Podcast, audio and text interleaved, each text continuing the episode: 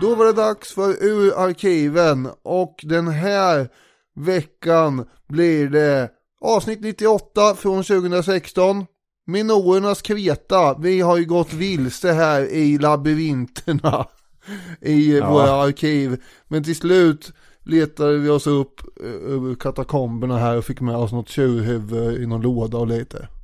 Vi följde en röd tråd Ja. som någon hade lagt ut. Just det. Ja, det är mycket mytologi och verklighet och det heter ju också myt och verklighet eh, det här avsnittet Minorernas Kreta. Så det blir lite blandat för det hänger ju ihop lite grann den här storyn. Men man har ju grävt och eh, hittat spännande grejer här. Ja, här är så gammalt avsnitt. Nu får man ta del av historiepoddens mer vintageaktiga ljudbild också. Ja, det får man alltid göra när vi eh, backar eh, så här långt. Men jag tror att det går att få ä- ännu sämre ljud än vad vi hade 2016 om man backar ytterligare något år. Ja, det är bra grejer. Det ska jag lyssna på. Jag, kommer, jag har inte lyssnat på det sen, sen det kom ut. Så att eh, jag och ni lyssnare tillsammans mot Kreta. Härligt!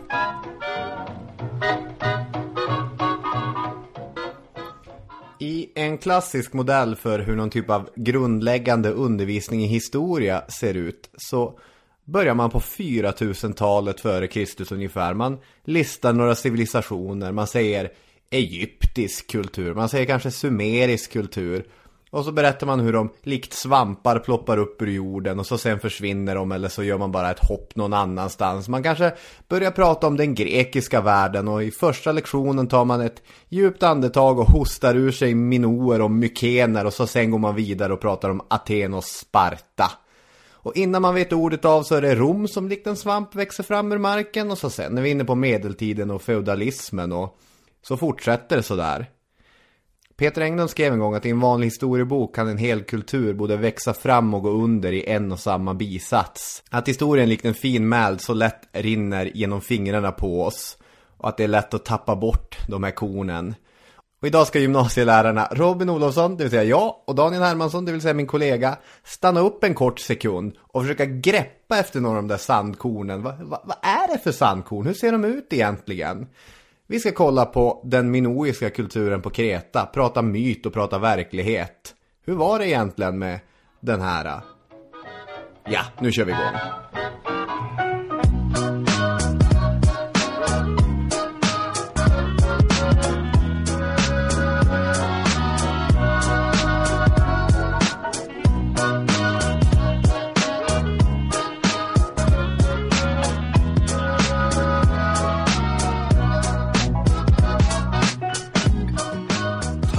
Så väldigt, väldigt mycket för alla eh, frågor och förslag som du har skickat eh, lyssnare. Och har du inte gjort det så får du jättegärna göra det till avsnitt 100 som kommer vartefter. Men just nu är vi på avsnitt 98 och det är också väl, väldigt välkommen till.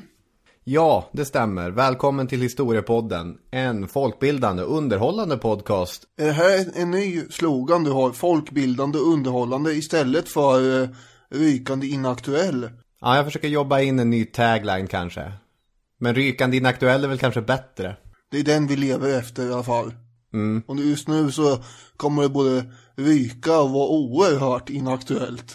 Ja, verkligen. Det här är nästan så rykande inaktuella som vi har varit någon gång. Ja, vem fan är du då? Vem är du? Vem är jag? Kan vi få kontakt nu? Jag söker Ingegerd Ragnarsson. Ja, vem fan är du då? Vi ringer ifrån Bingolotto i Göteborg. Jaha. Om jag söker sanningen får jag den Vem är du? Vem är jag? Yes Daniel, det är dags att leka Vem är hen? Mm. Vad står ni? 13.10 till dig. Oj, oj, oj. En trea så är det kvitterat. Och idag så är jag en person. För fem poäng. Jag är en central del i en av vår tids märkligaste konspirationsteorier. Den 12 oktober 1969 spreds illvilliga rykten på radio, som fortfarande lever kvar idag, om att jag är död. Jag var inte död då och jag lever fortfarande idag. Det var ju mycket info ändå. Det kan ju inte vara Elvis Presley igen antar jag. Eftersom du redan har tagit honom en gång. Ja, Vem vet? Och i så fall vore det lite märkligt. Men vem, alltså han lever ju inte nu, men ändå lever han ju.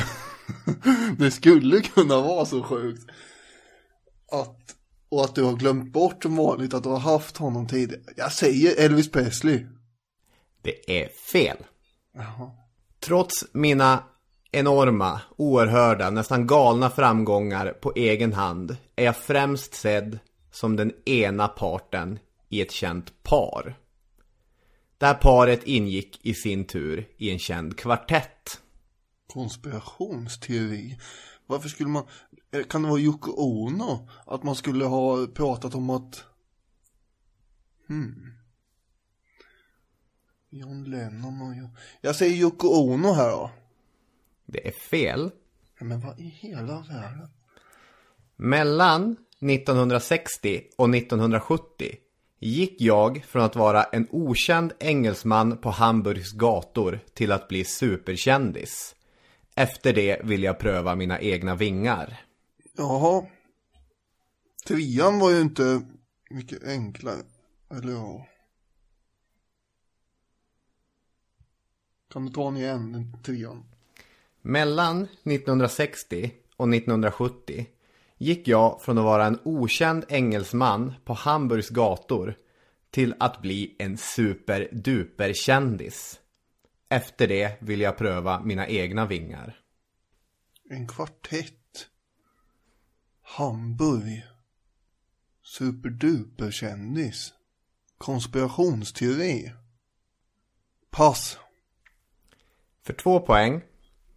Jag har fått den brittiska imperieorden. Jag är invald i The Rock'n'Roll Hall of Fame.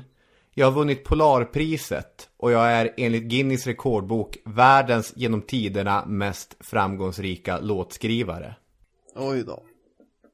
Ja men då, jaha. Nej men då måste det ju nästan vara Paul McCartney då. Och det är rätt. Ja, vad bra. Ja, då fick jag två poäng i alla fall. Och du var så nära tidigare på ledtråden. På femman så gissade du på Elvis Presley som var den enda personen större än The Beatles under 60-talet och som träffade Paul McCartney. Och på fyran var du inne på Yoko Ono. Går igenom de här lite snabbt. Fem poäng, den här konspirationsteorin. Det är ju Paul is dead. På, I slutet på 60-talet så spreds ett rykte om att Paul McCartney var död. Och om man spelade en Beatles-låt baklänges så fick man svar på det här. Och dessutom så fanns det massa ledtrådar på olika skivomslag. Och Paul McCartney var så utbytt mot en annan Paul McCartney. Just det. Det här visste jag däremot inte ett dugg om. Nej. Men du fick dessutom info om att det här är 60-tal och att det är en person som lever. Ja. De oerhörda enorma galna framgångarna är ju med The Beatles. Där Paul McCartney hela tiden såg som en, ena delen av Lennon och McCartney-duon som skrev allting tillsammans. Och den duon ingick i sin tur i en kvartett. För de var ju fyra stycken Beatlarna. 1960 bildas Beatles, går omkring på Hamburgs gator och spelar musik helt okända. 1970 när de sen splittras så är de världens kändaste människor. Efter det vill han pröva sina egna vingar. Paul McCartneys band heter Wings. Mhm. Där var jag inne ett tag på att det kanske inte hade med musik att göra utan var någon form av flygbolagsmänniska. Så, och så sen så var det alla priser han hade vunnit på, där på ett poäng, nej på två poäng och på ett poäng. Jag var medlem i The Beatles. Bra jobbat!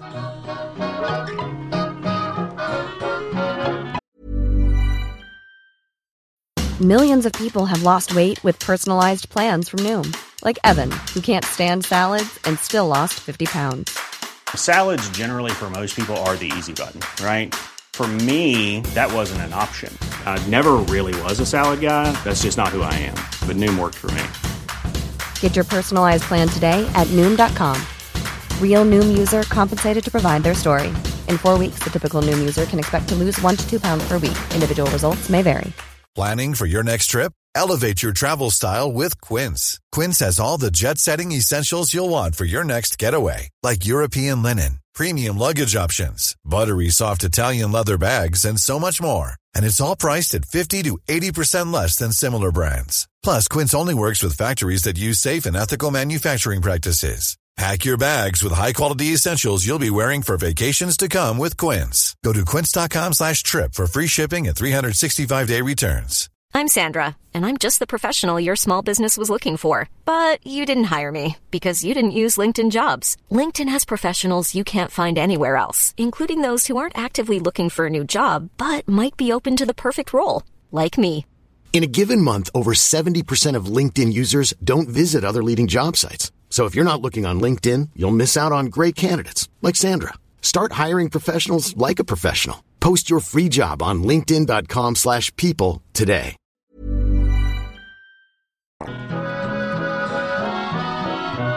Ja, då ska vi ta och dyka ner i Ja, den eh, gamla uråldriga historien som nästan är sammanflätad med myter, och, eller den är ju det. Ja, det får man säga. Eh, och, eh, men myter är en sak och historia är en annan sak, det ska vi alltid komma ihåg och ibland så kan man däremot tolka myterna på det sättet att de har haft betydelse för historiska människor. Verkligen. Vad är det för period vi pratar om då? Det här kommer handla om eh, bronsåldern. Eh, och det är en period som eh, sträcker sig över ja, från 3000 f.Kr. till 1100 f.Kr. ungefär. Och här skapas ju då förutsättningar för många högtstående kulturer och platser runt Medelhavet särskilt. Och det är framförallt just eh, handel med metaller som gör den här perioden speciell. Man slungar sig ut ur stenåldern kan man säga. Ja. Och det är ju som sagt metallurgin förändrar ju livet för människor just runt Medelhavet särskilt. Stenåldersmänniskorna hade ju haft tillgång till trä, ben och sten. Det var bara att titta ner på backen så fanns det något av det. Kunde man Ja. mecka ihop Det, någon det liten pryl av det. Bara plocka för sig. Lite knepigare blir det när det börjar handla om guld och koppar och, och sånt. Och, som sen då blir, man kan ju göra brons också av le- legering av tenn och koppar. Ja. Eh, Det är den nya innegrejen här då. Eh, Och då måste man anpassa sig lite. Det fanns inte överallt och därmed så skapas ju då nätverk av handel och handelsvägar. Och eh, det var ganska få som begrep sig på hur man skulle man skulle fixa fram den här metallen och sen forma olika saker av det. Så att eh, det skapas ju specialister också i form av metallhantverkare. Just i det här området, östra medelhavet och de trakterna så finns det ganska mycket guld och koppar. Själva ordet koppar, var kommer det ifrån? Jag vet inte, berätta för mig. En ö här omkring. På latin betyder koppar cyprum. Jaha, det kommer från Cypern. Ja. Och eh, så alltså är Cypern en eh, central eh, vad ska man säga, metallhandelsplats. Mm. Men det finns också en annan ö i området, nämligen Kreta, den stora ön. Och eh, den blev då under bronsåldern en annan maktfaktor som det ska handla om idag. Och eh, här fanns ju för, förutsättningar för allt möjligt istället. Stora skogar, höga snötäckta berg, stränder med palmer, floder som pulserar likt vener genom, genom eh, ön och landskapet och det finns underjordiska grottor och sånt. Mm. Och man odlar en himla massa olika grödor, det här pratar vi väl om lite senare med, men där man exporterar ju framförallt keramik, olivolja och sånt. Eh, koppar importeras mycket från just Cypern, inte helt otippat. Nej. Det blir ett uppsvung kan man säga för den här tidens människor överhuvudtaget när man börjar använda metaller. Eh, än så länge har man eh, inte riktigt fått kläm på det här med järn men man har ju hittat de här andra. Vi har ju Mykene, Troja och eh, Knossos på, på Kreta som är några av de här lite mer högstående städerna eller vad man ska kalla dem. Ja, precis. Och sen har vi ju förstås Egypten här. Också i trakterna. Ja, järn var väl problem, det var väl hetiterna som satt och tryckte på den där hemligheten. Inte ville att någon annan skulle veta det. Men det är liksom eh, en bakgrund till, eh, till det här. Att det, det har hänt grejer jämfört med tidigare. Verkligen. Det här är ju den äldsta civilisationen som den här delen av, av världen, om vi räknar in Kreta till någon europeisk eh, sammanhang, känner till överhuvudtaget. Sen så finns det ganska bra argument som vi kommer in på senare, att som du säger snarare koppla Kreta till, till Egypten och till Mellanöstern än till någon sorts europeisk kultursfär. Men det här, vi ska så långt tillbaka i historien som man lyckas ta sig. Och Kreta är ju märkligt för det här är en kultur som ständigt fanns närvarande genom myterna. Men fram tills skiftet mellan århundradet 1800 och 1900 inte fanns i verkligheten. Nej, jag tror att vi kommer att prata en hel del, vi kommer snöa in lite på myter idag har jag en känsla av. Ja, Det första som jag säger när vi börjar prata här är att ja, jag kommer ha mycket om myter och du bara, det var dåliga nyheter. Jag har också väldigt mycket om myterna. Men eh, det blir nog bra nyheter av det också. ja, folk är intresserade av det här.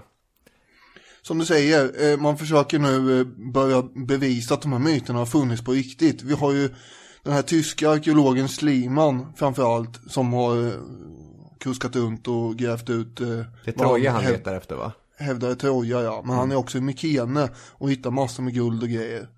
Och grejer, ordet grejer är, Det är så otroligt mycket grejer som kommer hittas i det här. Alltså sen har vi då en brittisk arkeolog Arthur Evans som vi kommer landa i som sitter där som museichef och tänker Kreta är ju ändå intressant. Om man inte skulle ta sig till Kreta och gräva.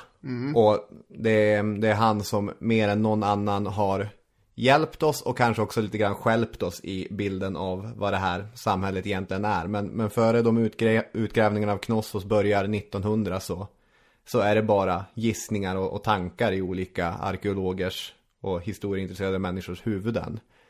men alltså det, det som, man tror då att det, det är bara myter. Men de här människorna, till exempel Schliemann och Evans, de hittar ju grejer som går att koppla till att det inte kanske bara är myter. Nej. Det, det finns en, eh, någon form av eh, grund för det här. Åtminstone så som de tolkar det. Både Troja och eh, Knossos. Precis. Ska vi börja ändå med myterna? Ja, och myter är ju såklart, det är ju muntlig tradition. De har ju berättats och berättats och när de väl skrivs ner i olika källor så finns de ju i en mängd olika varianter. Eh, jag har suttit och kollat i en mängd olika böcker. Från Pierre eh, Vanants bok, Eva Hedéns böcker om de grekiska myterna och, och även suttit och slagit lite grann på Nationalencyklopedin. Men det kan alltså finnas, ibland är det Poseidon, ibland är det Zeus, ibland är det kung Minos, ibland är det någon annan kung. Att, det, det kan finnas lite differenser i olika versioner så att vi får, vi får lappa ihop eh, en bild av de här myterna. Det blir mycket lappande här. Mm, det blir det. Agenon, han är kung över Tyros. Tillsammans med sin drottning Telefassa har de kommit någonstans från främre orienten, kanske mod- moderna Syrien eller så. Och de har fyra söner, Kadmos, Phoenix, Kilix och Tasos. Dessutom har de en dotter, hon heter Europa. Det här känner vi igen, begreppet Europa, för det lever kvar i vårt språkbruk. Har du hört talas om Europa, Daniel?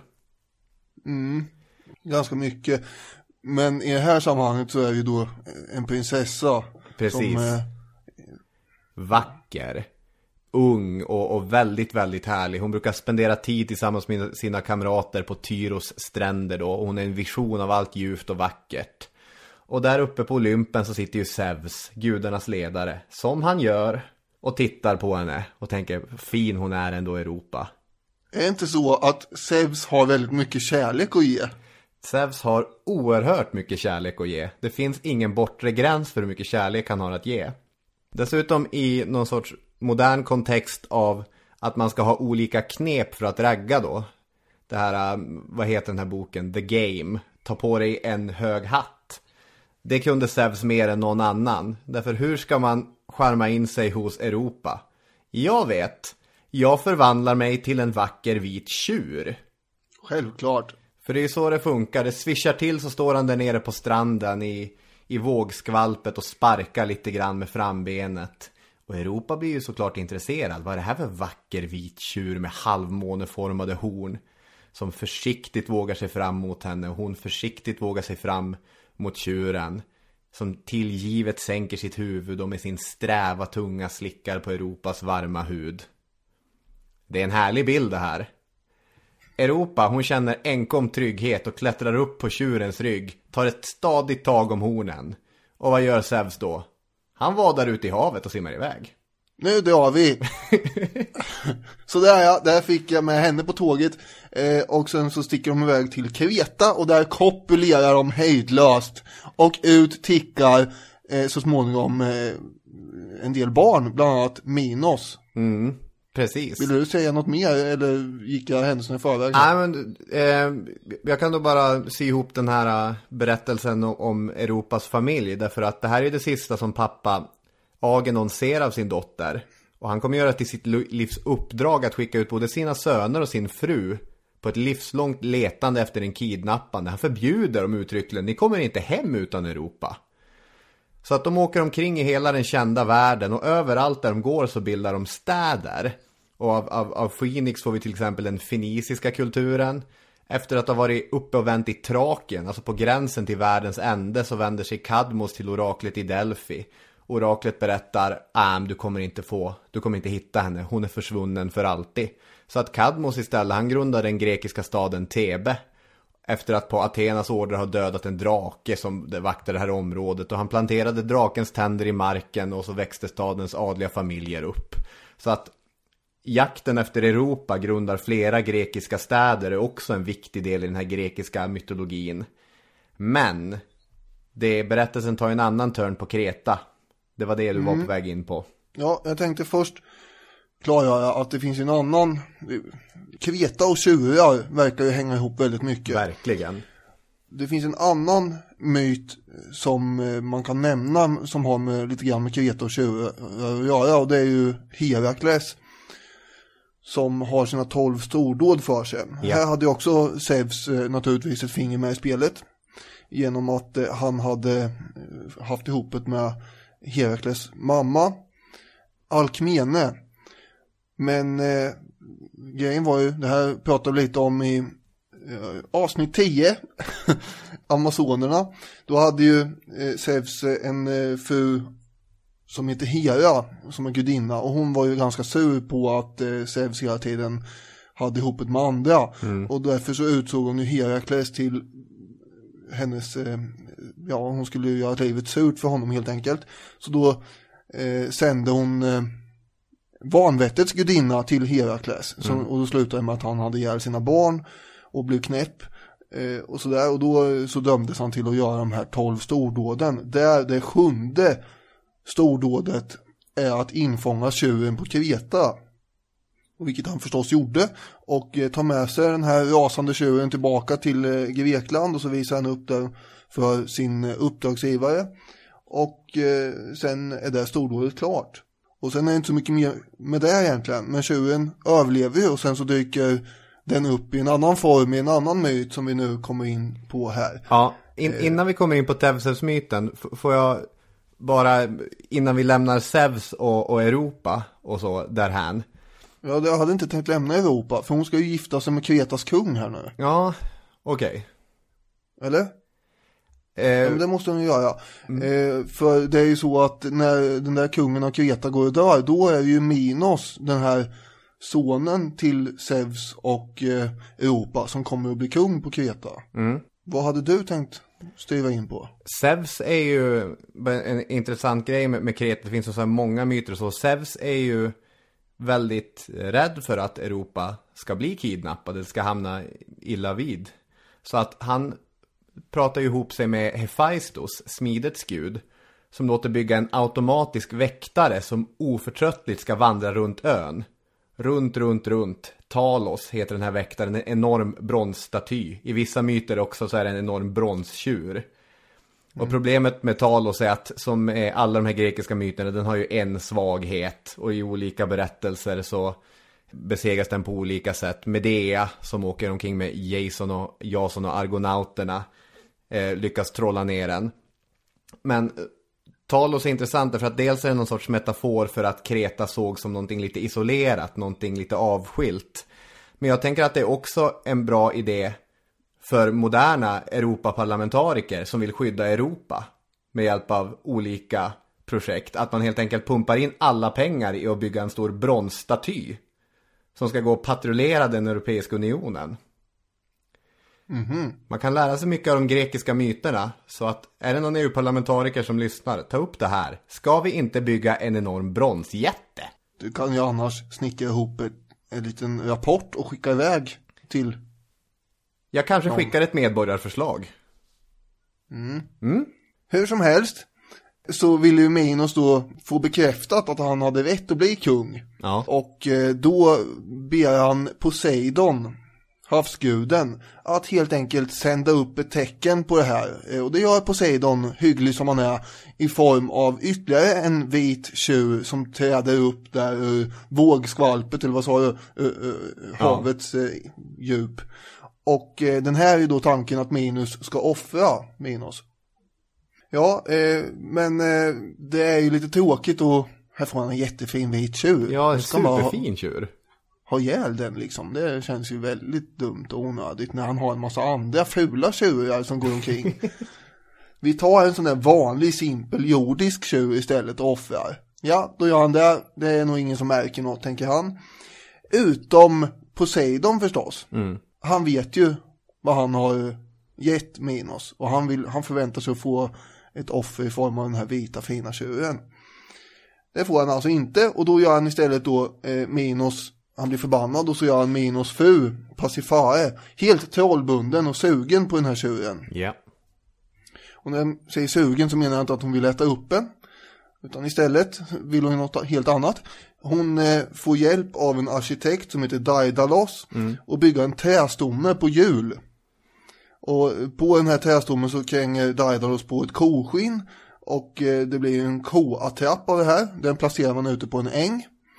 Och eh, sen så, där på den här ängen så strövar den här fina vita tjuren omkring där och knaprar på massa gräs och sådär. Och sen så ställer sig Pacifae då inuti den här konstruktionen och gör sig redo. Och ett, tu, tre så har Pacifae blivit gravid. Så har vi fått en bastard vid, kung, vid hovet. Ja, nu är det lite Fredrik Lindström-referenser här, men det är viktigt. Vi har fått en bastard i det minoriska kungahuset. Och en hybrid dessutom. Ja, det är en best som föds här. En manskropp eh, har den här besten med ett tjurhuvud. Minotaurus. Och det här, ja, minotaurusen. Eh, Det är ju till allas stora förskräckelse så också att den här minotaurus bara äter människokött. Och eh, av skam eller så så tänker ju Minos att eh, det här går ju inte att visa upp. Nej. Här, eh, hjälp. Vad ska folk Fy. säga? Ja, nej. Vi, vi spärrar in den här eh, obehagliga styvsonen i en labyrint som jag har här i Knossos. Som Daidalos har byggt, för övrigt. Som Daidalos också har byggt, ja. Ja. Och sen eh, så gäller det då att föda det här odjuret. Och då eh, är det så att eh, Minos har ju praktiskt nog belägrat Aten tidigare. Och fått dem till att eh, gå med på dealen att de ska skänka sju unga kvinnor och sju unga män. Eh, och om det här sker då varje år eller om det är vart sjunde år eller vart nionde år, det finns det olika bud på. Men de ska i alla fall tryckas ner i den här labyrinten och bli uppkäkade av Minotaurusen. För det- det var ju inget bra att hamna där nere i labyrinten. Mig veteligen innan, för vi ska snart in på Tevsevs, men mig veteligen så var det bara just Daidalos som hade flytt därifrån. För han blir också nedkastad där i labyrinten. Du har ju byggt den här fruktansvärda, det är ditt fel att vi har den här Minotaurusen på oss. Och Daidalos hamnar där nere med sin son Ikaros. Och Just det. det finns ju ett takfönster i den här labyrinten. Och hur tar man, tar man sig ut där? Jag menar, jag menar en skicklig eh, uppfinnare som Daidalos så kan man ju bygga vingar av vax. Och det gör han och hans son Ikaros. Men hur går det? Vax och fjädrar. Precis. Man ska inte flyga för nära solen. Och det gör ju Ikaros och då smälter vaxet och han faller ner i Egeiska havet och drunknar. Ja. Så kan det gå. Det- De här kända myterna, de går ihop som ett pärlband här.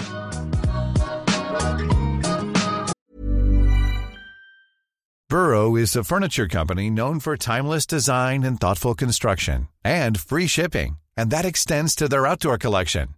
Their outdoor furniture is built to withstand the elements, featuring rust-proof stainless steel hardware, weather-ready teak, and quick-dry foam cushions. For Memorial Day, get 15% off your Burrow purchase at burrow.com slash ACAST and up to 25% off outdoor.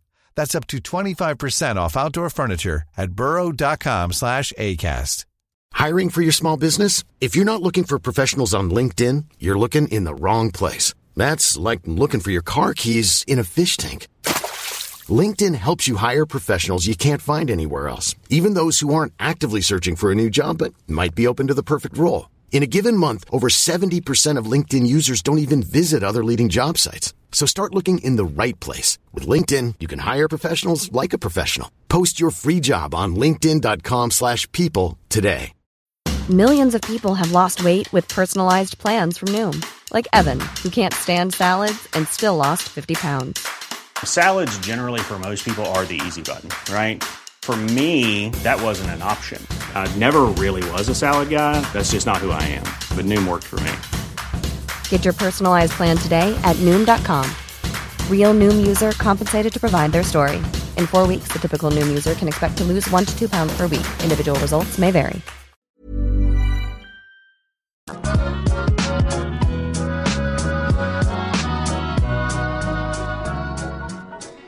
Nu kommer då nästa eh, myt. Nämligen den mest ädla och största hjälten av dem alla. Om nämligen Tefses. Om du är atenare ja. ja, det finns ju olika synsätt på allting här. Givetvis. Men eh, Tevses är i alla fall en eh, son till den atenske kungen. Just det, Aegus. Och han kan ju aldrig få nog av upptåg och äventyr. Då har jag en del äventyr som han har dragit, haft sig för innan han kommer till Aten. För det är ju så att eh, han vet inte om förrän i vuxen ålder, eller han är 16 år när han får veta att eh, du är son till Atens kung, kommer morsan att tala om för honom. Precis. Helt apropå. Eh, och då ska han ju ta sig till Aten. Och på vägen så rensar han bort lite eh, skurkar som finns där. Bland annat jätten Perifetes. Han eh, fäller honom och tar den här Perifetes järnklubba. Som han brukar banka ihjäl fredliga resenärer med. Och han brottar ner brottaren Kerkion.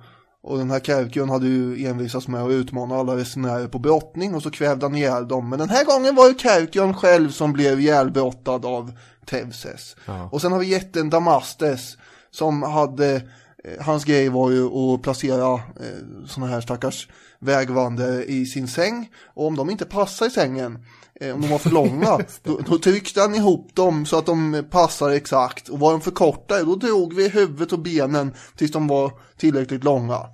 Nu var det så att Tevses bestämde sig för att han skulle utsätta Damastes för sin egen medicin. Och så gjorde han det. Och sen så när han kommer fram till Aten så, ja då mottas han ju till slut när, när det uppenbarar sig att han är då eh, kungens son så blir han ju väl mottagen. Men det är ju på omvägar. Alltså, Aegus, när han hade lämnat eh, sin, sin son Tevsevs i, i Argolis, som var den här andra staden, då, då hade han ju begravt sitt svärd under ett tjockt stenblock. Jag, jag tänkte att man kanske skulle inte ta med alla detaljer och därför jag, Jaha. jag det var inte så att jag, stunt, jag struntade i det men det fanns en, ett urval. Men han, han lyfter det här stenblocket, får det här svärdet. För när, när han kommer till, till eh, Aten, då har vi Medea som tidigare figurerade där med Jason och Argonauterna. Hon har blivit fördriven från Korint efter det att Jason ledsnade på henne. Och sitter hon och är gift med Aegus helt plötsligt i Aten. Och hon är ju livrädd. Hon tänker, jag vill ju att min son tillsammans med den andra kungen ska ta över makten. Nu kommer Tevsel som ska ta över makten. Och så lurar hon sin man att det här är bara någon, någon bluffare, förgifta honom. Och han serverar en bägare med gift till Te- Tevsev. Så just som han ska till att svepa bägaren med gift så faller manteln vid sidan. Och Aegus ser sitt svärd. Nämen, det är ju Tevsevs! Och sen blir det hurra. Min eh, okände son har återkommit. Ja, då fick vi med det också. Ja. Jag tror det kan bli ganska många namn och gudar och grejer att hålla reda på här, jag vet. Ni sitter med papper och penna hoppas jag. Ja, det är lite så det här funkar ibland, känns det som. Men om vi ska fortsätta med den här Tevses då nu när vi har haft en stor familjereunion och eh, alla är glada och nöjda. Då eh, får Tevses klart för sig att tydligen så skickar man iväg eh, 14 eh, ungdomar varje år eller vart sjunde år eller vad det nu är till Kreta för att bli matade till någon slags eh, tjurliknande bäst. Och den här Tevses, han är ju alltid redo för nya äventyr som sagt. Så han anmäler sig frivilligt. Jag åker med dit. Och på vägen, eller innan han åker iväg snarare, så får han rådet av det de- oraklet i Delphi att du ska offra till Afrodite under hela den här färden. Varför ska han göra det? Afrodite är ju då skönhetens gudinna och kärlekens gudinna. Jag vet inte varför. Jo men det blir klart för när han kommer fram ju. För det första som händer är att Minos dotter, Ariadne, Ja. hon faller ju för den här vackra, ståtliga, unge hjälten. Och känner naturligtvis att hon måste hjälpa honom mot den här grymma besten i labyrinten. Så då är det bästa redskapet naturligtvis att lämna över ett garnnystan till honom. För han ska in i en labyrint här. Ungefär Ja. som Hans och Greta hade smulor så behöver han hänga upp sig på något så han kommer ut igen någon gång. Ja, och språkintresserade lyssnare kommer säkert glädjas åt att den här tråden som hon ger, det är en Ariadne-tråd eller en ledtråd. Hur löser man en svår uppgift med hjälp av en ledtråd? Och då ger sig ju Tevses in i labyrinten. Till slut stöter han på den här Minotaurusen och hugger ihjäl den helt enkelt. Och sen så eh, nystar han sig tillbaka till utgången. Och så tar han med sig Ariadne i en enda stor lyckorus på, tillsammans med de andra eh, överlevande ungdomarna på resan tillbaka mot Aten. Ta ett litet stopp på ön Naxos där man bland annat ska sova. När Ariadne vaknar upp visar det sig att eh, Tevses har schappat, dragit, Ja, dumpat. Välj vad ni vill. Ja, det finns Hon är i alla fall ensam kvar. Precis. Han har glömt henne eller han har blivit ivägjagad eller någon, han har fått en, en vision i drömmen om att lämna henne. Och hur ska det gå för henne nu då? Jo, hon sitter ju där eh, ensam på ön Naxos och är helt förtvivlad. Men då dyker minsann en annan gud upp som tycker lite synd om henne och att hon, eh, hon verkar ju rätt eh, sexig den där tjejen ändå. Och det är ju Dionysos som tar med henne då till gudarnas hemvist. Ja. Och sen så passar han på att gifta sig med henne. Och den krona som hon har vid bröllopet där uppe, eh, den eh, finns ju fortfarande kvar att bevittna eh, på stjärnhimlen i form av stjärnbilden Ariadnes krona. Just det. Vilka liv de här människorna levde. Kan du tänka Ja, dig? inte illa. Det är lite annat mot en annan. Mm, precis. Går upp en onsdag morgon och Om- hankar sig iväg. Ja, Om vi leker med tanken då att han fick bråttom, bråttom därför han har ändrat sig. Han vill inte leva tillsammans med Ariadne.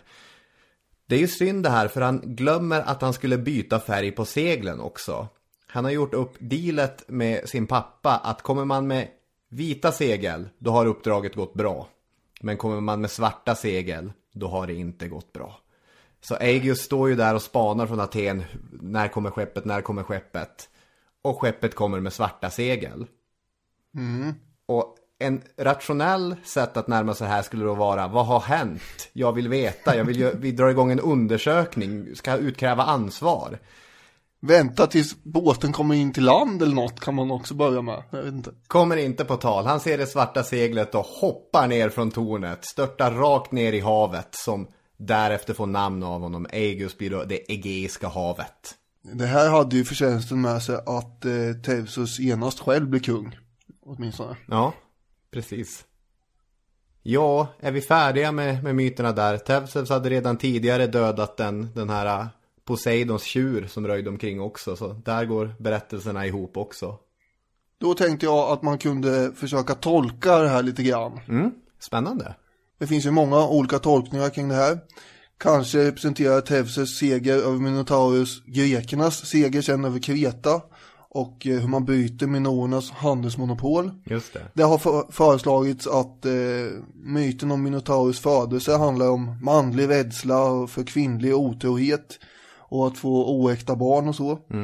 Ett annat förslag är eh, att det är en symbol för Minos tyranniska styre på Kreta och att han inte respekterar gudarna och så. Men eh, min eh, favorit är nog ändå Johan Trallau som har skrivit en bok som heter Monstret i mig där han resonerar eh, kring det här. Eh, Och han, hans teori handlar då om hur man ska förstå myten under klassisk tid på 600 till 300-talet före Kristus. Alltså inte om eh, man på Kreta, eh, hur man på Kreta tolkade tjurar och hur minorerna såg på det här, utan snarare hur grekerna själva senare eh, såg på den här myten. Just det. Han menar då att tjuren är en symbol för solen. Och eh, det här, den här teorin framfördes först av en tysk historiker på 1800-talet som heter August Fick. Eh, men sen, den fick inte så stort fäste. Men det verkar inte vara helt eh, orimligt och eh, och eh, plockar upp den här tråden igen. Eh, Minotaurus hade ju fått ett riktigt namn när han föddes av sin mor där, nämligen Asterios. Den, den hette ju det egentligen, den här monster Ja. liknande tjuren. Eh, och, och Aster betyder stjärna. Och solen är ju den största stjärnan. Det fanns också eh, antika ordboksförfattare som menade att folket på Kreta såg tjuren som en symbol för just solen. Och ibland så avmålas den här Minotaurus helt översållad med ögon på kroppen när han strider mot Tefses och så- sådär Ja. i eh, dryckeskärl och vaser och sånt. Och grekerna såg ju ofta solen som ett öga. Eh, solguden Helios som betraktar världen eh, noga med sitt vakande öga på att eder och löften ska hållas och sådär. Riktigt intressant blir det när man också får klart för sig att Pasiphae, hon som hade haft ihopet med tjuren där, hon som gömde sig i träkonstruktionen, Minos fru, eh, att hon då var solens dotter. Hon har alltså inte bara parat sig med eh, ett djur från en annan art, det vill säga, eh, alltså på sätt, eh, hon har ju Ja, hon har begått incest här då, eftersom tjuren är en symbol för hennes far solen. Och eh, det här tabubelagda normbrottet gör då att resultatet blir då det vanskapta vidundret här, Asterios, Minotaurus. Och Trallau har en mycket snillrik kedja av förklaringar till den här tolkningen som leder fram till att myten är en, det är en sedelärande och varnande berättelse om sånt som sexuellt umgänge med alltför närstående människor kan medföra. Okej. Eh, Alltså man ska inte ägna sig åt inavel och sådär. Man säger inte rakt ut därför att det är så tabubelagt att det kan vi inte göra. Utan vi, vi gör det symboliskt här. Men det är också tabubelagt för styrföräldrar och styrbarn att ha ihop det. Tevses fru senare, Faidra, som också är Minos dotter och därmed Ariadnes syster. Hon får ju åtrå till Tevses eh, son och det är inte hennes son. Men eh, hon tycker att det verkar ju vara en riktigt tjusig grabb. Eh, och det är också ett hemskt tabu då. Myten är alltså en varning till att man inte ska hänga ihop med de som man är allt för lika.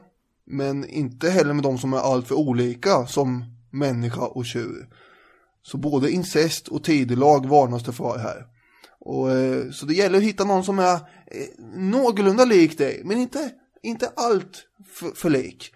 Så komponenterna i den här myten handlar hela tiden om att det ska finnas en balans. Och alla inblandade byter mot den här balansen och de här tabuna hela tiden. Mm. Pasifare som får åtrå till en tjur, eller symbolen för sin far. Ariadne som får åtrå till en man som är fiende till sitt hemland.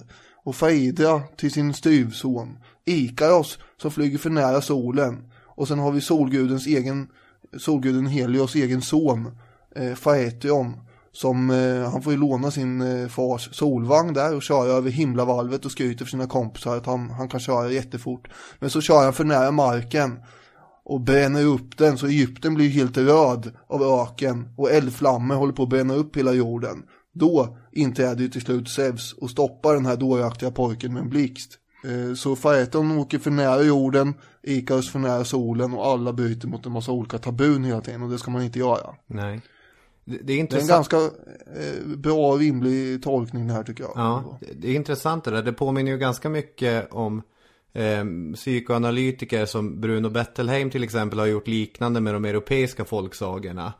Att, att tolkat in olika tabun eh, som eh, som man inte ens kunnat prata om att det ska finnas underförstått och att det ska vara sedelärande i folksagorna på det sättet. Sen har, har de här psykoanalytikerna fått ganska mycket kritik för att de ser saker som inte finns där. Men, men det är ändå intressanta tankar.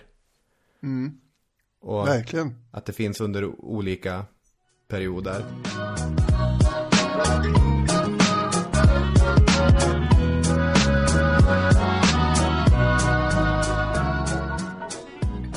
1878 så har vi en eh, kille som heter Minos. Okej. Vilket är ett otroligt sammanträffande ju. Ja. Han eh, är då en rik affärsman, en glad amatörarkeolog. Han heter Minos eh, Kalokaivinos. Och han börjar gräva, han bor på Kreta och så börjar han gräva och hittar en helt fantastisk värld där som han eh, gräver lite i. Eh, ungefär som om man har gått igenom den här Narnia-spegeln. Eller hur? Alltså man hittar ju väggar av eh, färgglada fresker och en massa enastående saker. ja. Men han är ju som sagt amatör och eh, det var ju för sig nästa snubbe som kommer också egentligen. Men det är först med honom som det kommer börja grävas ut ordentligt runt år 1900 här. Vem var det? Arthur Evans, som då, det det här sa jag ju alldeles i början av, av avsnittet, men han är en brittisk superarkeolog. Eh, han var museidirektör på The Ashmolean i England och hans eh, gärning var, kommer bli att från 1900 fram till 1930-talet frilägga, skriva, fantisera om och skapa bilden av den minoiska kulturen som han också namnger. Därför att Evans är ju marinerad i de här myterna som vi har pratat om. När han börjar gräva ut det här palatset som han kallar det, Knossos, då ser han ju, är det inte kung Minos palats som jag har hittat här? Jo, det måste det nästan vara va? Han kollar på den här planeringen som verkar vara helt utan någon tanke. Det är ett gytter av olika rum och schakt och korridorer. Det här är ju en labyrint. Det kan inte vara annat. Och senare, det tror jag inte under Evans utgrävning, men senare kommer man också hitta ett rum som innehåller en tron. Och då tänker man, Jo, jo men han var med då. ja det kanske han var. Är det här, är det kung Minos tron? Kan det vara så? Det fanns en annan eh, amerikansk arkeolog, en kvinna som hette Harriet Boyd som var med då. Och hon är, ja, hon är lite mer saklig och pålitlig än vad Evans ibland är. Eh, Men hon har då skrivit att eh, det rådde en spänd förväntan när den sista jorden togs bort från Europas äldsta tron och stenstolen stod där intakt. Och självklart så tänktes, först tänktes ju Evans att det här var nog Ariadnes eh, tron för att det var för liten för en manlig eh, stjärt då. Men eh, sen ändrade han sig väl ändå och tänkte att det är lite häftigare ändå om det är Minos egen tron. Precis. Och de här stora salarna som finns i, i Knossos tänker han, här har kungen haft sin residens, här har drottningen haft sin residens. Men det finns ju ett problem att det finns nästan ingenting som egentligen pekar mot att en kung har bott här.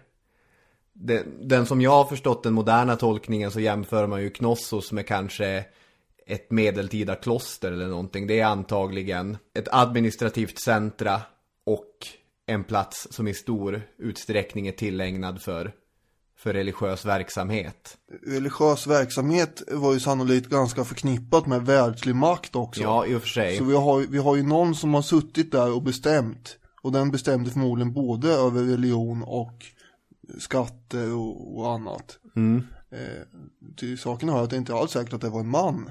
Eh, men det kanske vi återkommer till. Nej, så är det ju. Men den här bilden att det skulle vara en stark kungamakt och att man kan se Minos nästan som en medeltida europeisk konung med sitt hov och så, den håller ju inte riktigt. Nej. Den här Minos från myten finns ju inte. Hur gärna man, man än ville det. Om, Eller? eller? Nej, jag är, jag är tyvärr tveksam. Ja, jag är lite tveksam. Om man ska dra... Men, men det är ju labyrintliknande de där korridorerna. Eh, och eh, någonstans kan det ha funnits lite när.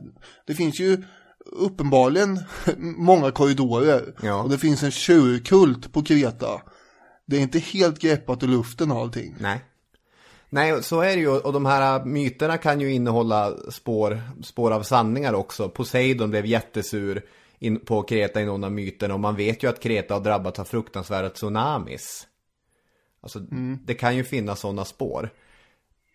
Får man säga någonting mer om Evans här? Han hade ju varit i Sverige också. Heja Sverige! Ja, det tyckte inte han. Han tyckte att det var trist, allt för ofarligt och utan arkeologiskt intresse. Citat. Så eh, det var inget kul. Det var mycket roligare på eh, Balkanhalvön. Eh, och han företrädde verkligen slavernas intresse gentemot turkarna. Eh, för de hade ju kontroll, Osmanska riket hade kontroll över Balkanhalvön på den här tiden. Tillsammans med Österrike också. Han var i Bosnien under ett uppror 1875. Där eh, dokumenterar han gladeligen turkarnas eh, övergrepp och grymheter mot slaverna. Han var ju kritisk mot britternas stöd till Osmanska riket. Britterna var ju livrädda att eh, Osmanska riket skulle klappa ihop fullständigt och därmed skulle det gynna ryssarnas framfart. Och att de skulle få större inflytande. Och därför så höll man ju Europas sjuke man som Osmanska riket var lite grann under armen emellanåt. Men han stödde mycket eh, med stor entusiasm slaverna eh, på Balkan. Och det här ledde ju också till att han gjorde sig osams med österrikarna. Och så blev han gripen 1882 och utvisades därifrån och sparkades ut. Här ska du inte vara och hålla på och uppvigla, eh, sa sa mot den. Och allt det här kommer sen då påverka hans syn också på den minoiska kulturen och han tolkar minoernas kamp mot inkräktare ur det här ljuset. Och han överför lite grann sin passion för slaverna på minorerna som han idealiserar oerhört mycket. Och det här kommer också påverka sen kommande arkeologiska föreställningar om minorisk kultur dessutom. Verkligen. Och om man ska bara använda Evans begrepp också så kan man göra en snabb tidslinje över den här kulturen. Han kallar ju den för palatiala tiden, ungefär 3000-talet till 1900 f.Kr. Den långsamma framväxten av civilisationen.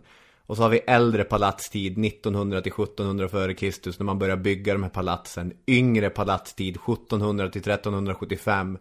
Den blomstrar och börjar gå under. För efter palatial tid, 1375 till 1100-talet före Kristus, då blir det ju kulturens undergång. Vad sa du nu? 1300? Då är det undergång.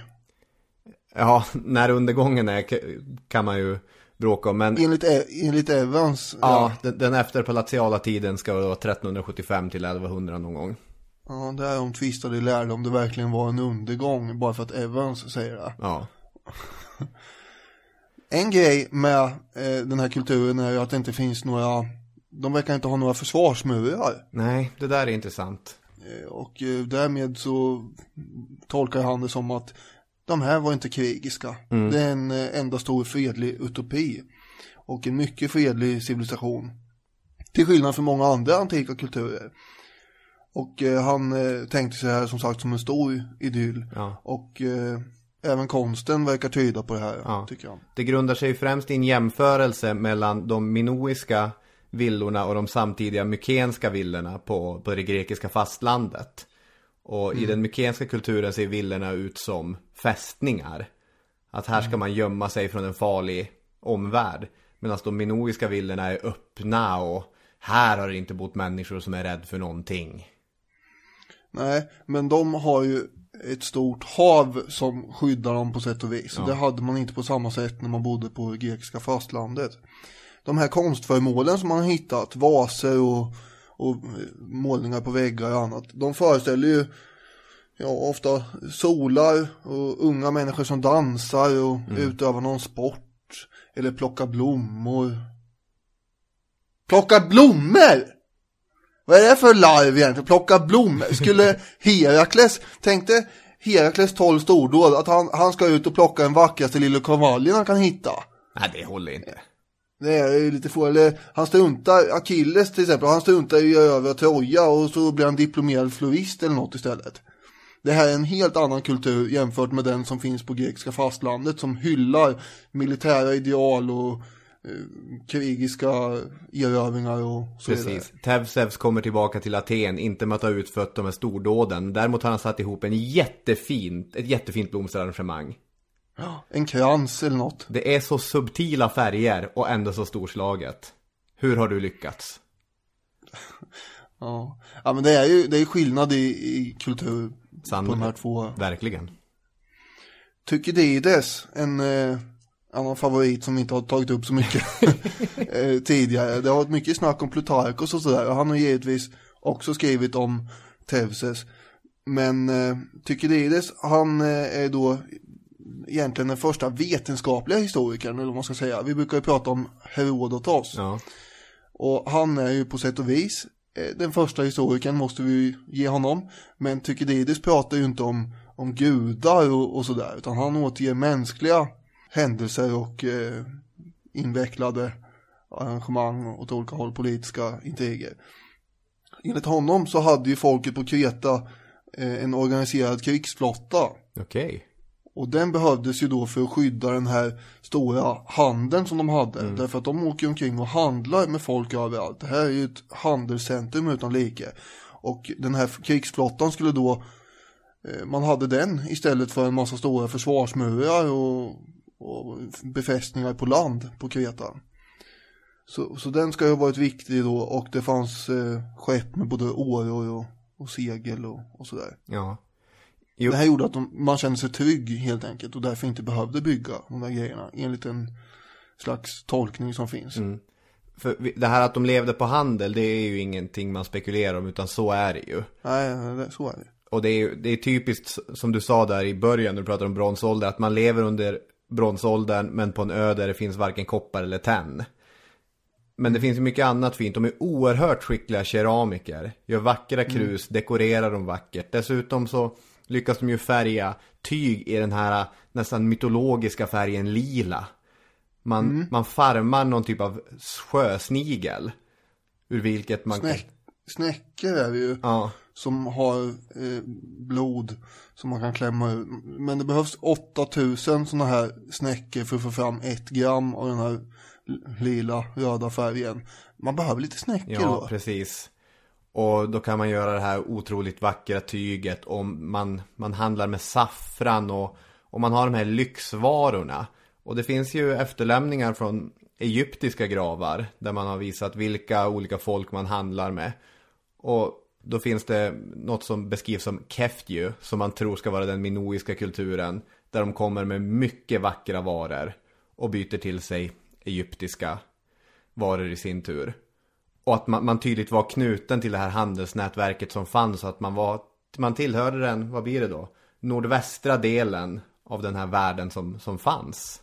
Det finns tydliga influenser från Egypten. Den här tjurkulten kan man ha tagit rakt av och importerat från Egypten. Och så sen fixat till den lite grann på plats. Och även det här labyrinter, om nu Knossos och liknande är labyrinter. Det finns beskrivet i egyptiska texter att här, så här bygger man en labyrint. Så att det kan man också ha fått därifrån. Vem vet? Man hade ju, vad ska man säga, någon, nästan gladiatorliknande tävlingar där man skulle kasta sig, göra volter över tjurar och ta tag i hornen på dem och Ja. sådär. Och vara allmänt modig. Men det tycks ju också ha varit en ganska jämställd kultur eh, på det sättet att på eh, målningar som finns så utövar både män och kvinnor samma sporter och de har samma arbetsuppgifter och så. Sociala skillnader på ön verkar inte ha varit enorma. Även fattigare delar har haft ganska funktionella hus och sådär. Det finns ju ett utbyggt kloaksystem för rinnande vatten och sånt vad man kan förstå. Eh, Men det fanns, det var ett klassamhälle ändå. Ja. Med väldigt fina villor och palatsen tyder också på att det finns en, en högt stående, eh, förmodligen då kanske religiös byråkrati som styr saker och ting. Och då är det ju statyetter som man har hittat av eh, kvinnliga eh, religiösa präster då. Titeln Claviforos eh, finns ju, vilket betyder då nyckelbärare.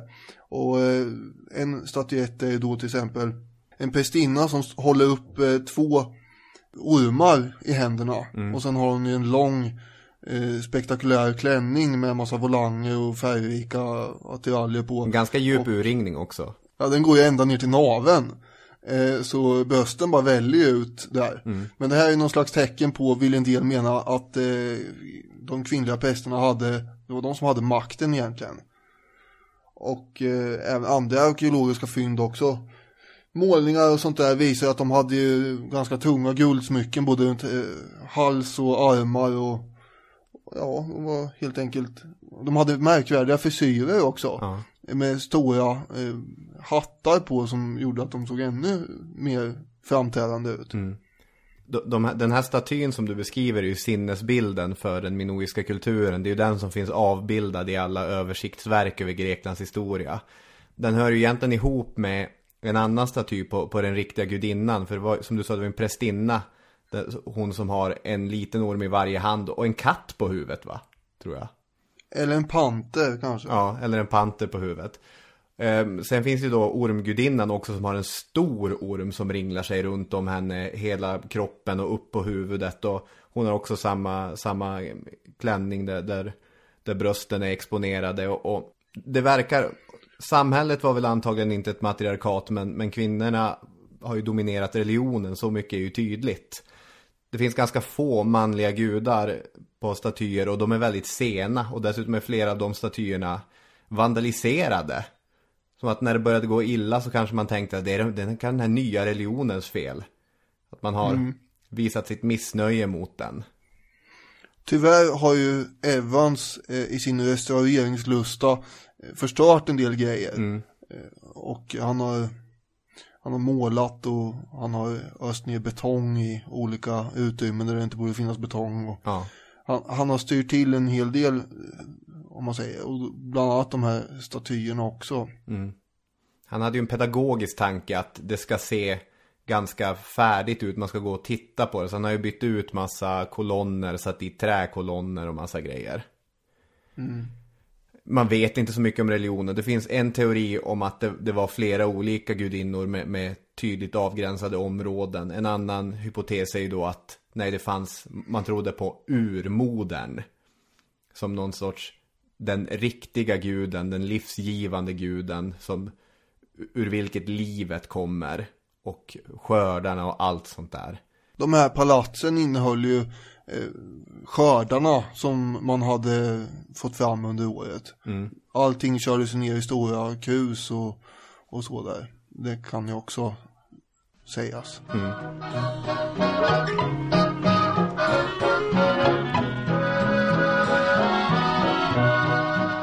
År 350 före Kristus Okej?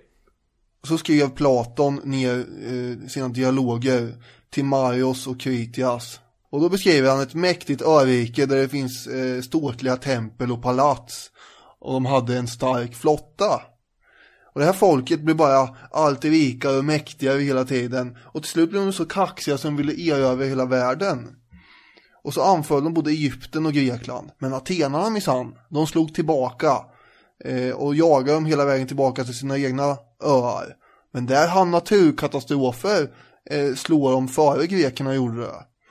Stora flodvågor ödelade hela riket och Atlantis sjönk i havet.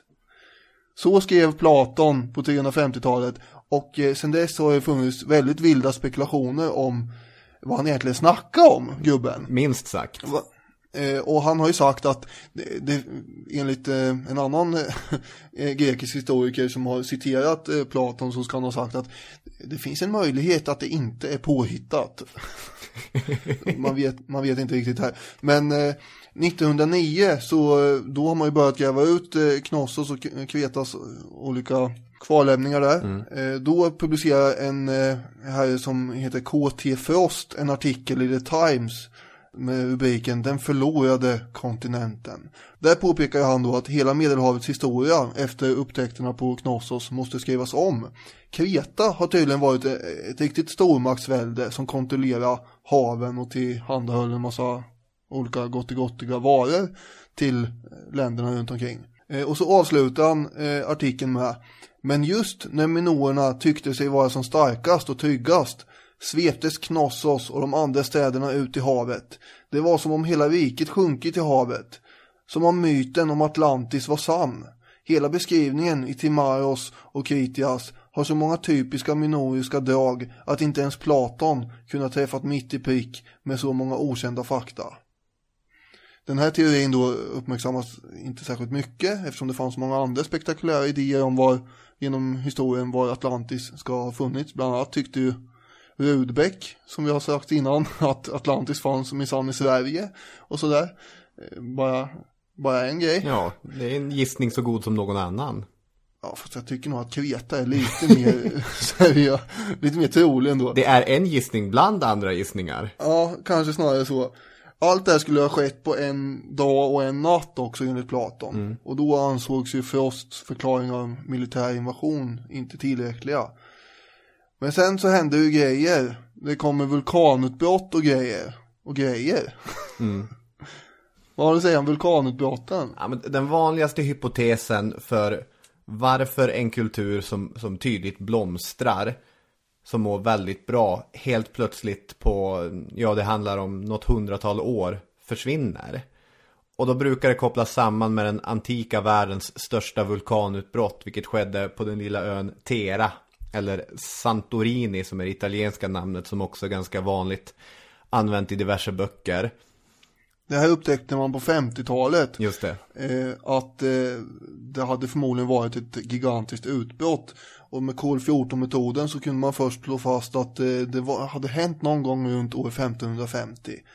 Och, och det är då som den här minoiska kulturen ska ha övergått till något annat. Grekerna från Mykene dyker upp och eh, börjar skriva med sitt språk. Just det, för på Knossos finns det då tusentals lerplattor där som är, som är skrivna på en, en väldigt gammal variant av grekiska.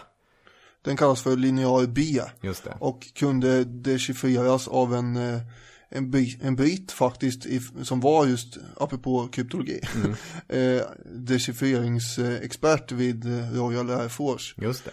Och, och han eh, knäckte ju där och såg att det här är ju gammal forngrekiska.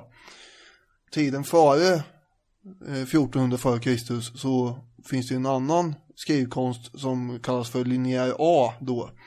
Och den har ju fortfarande ingen kunnat knäcka och det är ju då den minoiska skrivkonsten då antagligen. Så om vi har några unga lyssnare som vill bli världsberömda så ska ni bli någon form av eh, ja, arkeologiska eh, kodknäckare. För då kommer, då kommer ni skriva in i själva historien om ni knäcker det där. Jag älskar den läroboken som jag använder i kulturhistoria. Där de skriver om, om linjer A och B. Då står det att linjer A har vid tillfället som denna bok skrivs ännu inte knäckts. det är bra. Man att liksom dra med sig den. Jag hoppas att när den har gått till print. Kanske du som läser det här. Kan en vacker dag, ja. Ja, men det finns ju eh, tveksamheter kring om eh, när det här vulkanutbrottet egentligen inträffade. Om det var på 1500-talet före Kristus eller om det var på 1600-talet. Och i så fall skulle det inte ha påverkat på samma sätt Kreta. Precis. För det finns ju kvar efter det i Ja. så fall. Tera, det var ju dels var det en viktig ö, alltså det var ju nästan som en transithamn, alltså det var ju, där la man ju an och, och bytte och det- den var ju viktig för handeln så att den försvann. Det var inte bra till att börja med, men sen får man också tänka vilka enorma följder som det här vulkanutbrottet får. Dels så skickar det ju iväg en tsunamivåg mot Kreta som ska ha varit helt enorm. Och det är det som eh, vissa då kopplar ihop med Atlantis, att det har sjunkit och försvunnit. Jag tycker inte det är helt långsökt det här. Nej, absolut. Det finns en del av eh, ön Tera också som bara försvinner ner i havet och om det var så att minoerna hade koloniserat, vilket du inte vet, eh, där då så kan ju det också ha varit en del av här Atlantis-tanken. Men, men även efter den här tsunamivågen har skalat bort bebyggelsen vid, vid kusten. Då kommer ju ett enormt askmoln som lägger sig där, där över och att det blir som att leva i, i Dantes helvete där. Det är bara varmt och, och kvavt och hostigt och, och fruktansvärt. Enligt mätningar som gjordes på 50-talet på havsbottnen så hade 77 centimeter tjockt lager aska, alltså vulkanaska, inte som vilken aska som helst heller. Nej. Den tränger ju in i, i lungor och förvandlas till någon slags cementliknande gröt som gör att man absolut inte kan andas och sådär. 10 centimeter vulkanaska brukar ju räcka för att slå ut jordbruk eh, i flera år. Och bara några centimeter gör att tak kan rasa in beroende på hur starkt det är i och för sig. Eh, och eh, några millimeter som vi vet räcker till att slå ut flygplansteknik. Ja. Det är intressant kring den här eh, frågan, för det här har uppstått två stycken läger. Arkeologerna, de har ju försökt datera det här genom att kolla på keramik, genom att kolla på hur olika föremål har blivit spridd med handel. Och de är ju ganska trygga med den här senare dateringen.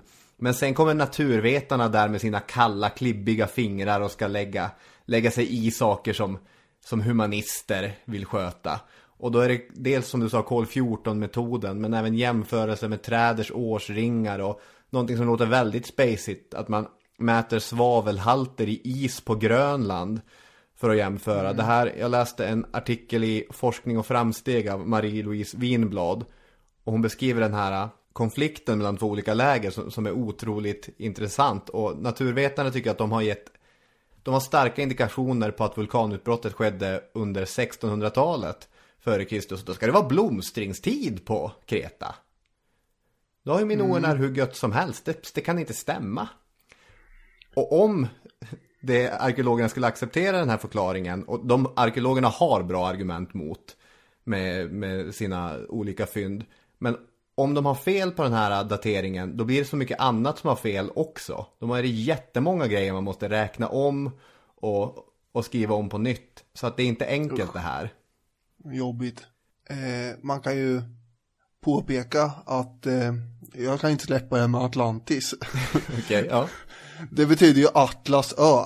Atlas är den här jätten som eh, håller himlavalvet på sina axlar. Och Kreta har ju höga berg. Kanske var det där han stod, den goda Atlas, och höll upp himlavalvet åt människorna. Eh, och i så fall är ju Kreta eh, Atlas och Atlantis. Ja. Det var bara så här inspel som jag fick fram och göra nu. Det vi kan säga i alla fall är att det finns lämningar som visar att mot slutet av den minoiska kulturens eh, existens så var det inte så trevligt nödvändigtvis. Man har bränt ner palats, de här stora kärlen med, med olivolja har man eh, satt eld på. Det finns dessutom religiösa platser där det har bedrivits människooffer och vissa arkeologer anser sig ha bevis för kannibalism också. Alltså ben med, med stora jack i, som att man har skurit bort kött från människor. Någonting otrevligt har ju eh, inträffat här och oavsett om det är vulkanutbrott eller inte som är orsaken så runt 1400 f.Kr. så tar de här mer krigiska mykenarna över. Ja. Och det ser vi bland annat på det här linjär B-språket, forngrekiskan. Och eh, ja, kanske de här människooffren och så också. Så eh, det är ju de här som har kommit på myterna då i efterhand som de krigiska och, och så dykt upp här nu. Och då har de kanske ta, passat på och bränt ner lite grejer innan de tog över. Men Evans han menar ju att här gick, här gick ju allt under och nu blev det bara elände av allting. Men riktigt så var det ju inte utan det var inte bara en dekadent nedgång eh, utan tvärtom så blev en annan form av kultur som blomstrade istället också i ett par hundra år. Ja. Fram till 1100-talet före Kristus då, då allting i Medelhavet bara går in i någon slags mörker tycks det. Fram till Homeros kommer på 700-talet. Tryggt. Eller? Vad härligt. Och börjar skriva Iliaden som handlar om den här perioden eh, före 1100-talet då. Men det blev så att det här avsnittet, det slutade med en kulturs undergång. Men vi har inte gjort det i en bisats i alla fall. Nej, Utan nu har vi ju vänt på stenarna, sett vad vi hittat där. Ja, det tycker jag nog. Och det är ju härligt att kunna göra det. Hitta saker som är både främmande och bekanta och lägga till en till pusselbit i sin förståelse av sin omvärld. Ja, jag tycker det har varit både ett eh, intressant och roligt avsnitt att sätta sig in i och att eh, genomföra. En sak som eh, ni kan genomföra är att kanske skicka eh, någon mer fråga om ni kommer på till Robin till exempel. Vad är din favoritfrukost? Alltså det blir lite narcissistiskt eh, eh, avsnitt det där, avsnitt 100. Men vi har ju pratat så mycket om allt annat så vi tänker att man kan väl bjuda lite på vilka vi är där också. Precis. Eller? Narcissus, där har vi också en av de grekiska myterna. Ja, absolut. Vi kan prata lite om honom här. Ja, nej, men det, hör av er. Historiepodden outlook.com eller på Facebook-sidan eller på Twitter eller Instagram. Hashtag hisspodd. Ja, Ska vi säga tack för idag? tack för idag. Okej. Ha det bra. Hej då med! Hej, hej.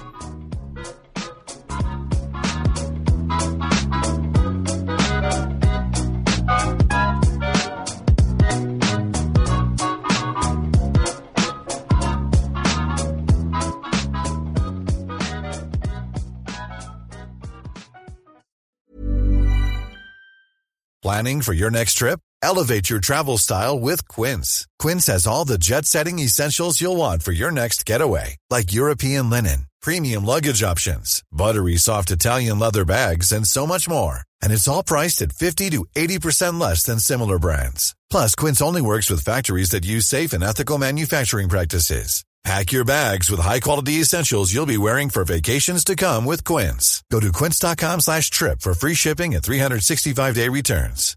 Hey, it's Paige DeSorbo from Giggly Squad. High quality fashion without the price tag. Say hello to Quince. I'm snagging high-end essentials like cozy cashmere sweaters, sleek leather jackets, fine jewelry, and so much more. With Quince being 50 to 80% less than similar brands. And they partner with factories that prioritize safe, ethical, and responsible manufacturing. I love that. Luxury quality within reach. Go to quince.com slash style to get free shipping and 365 day returns on your next order. Quince.com slash style. For the ones who work hard to ensure their crew can always go the extra mile, and the ones who get in early so everyone can go home on time, there's Granger, offering professional grade supplies backed by product experts so you can quickly and easily find what you need. Plus, you can count on access to a committed team ready to go the extra mile for you. Call, clickgranger.com, or just stop by. Granger, for the ones who get it done.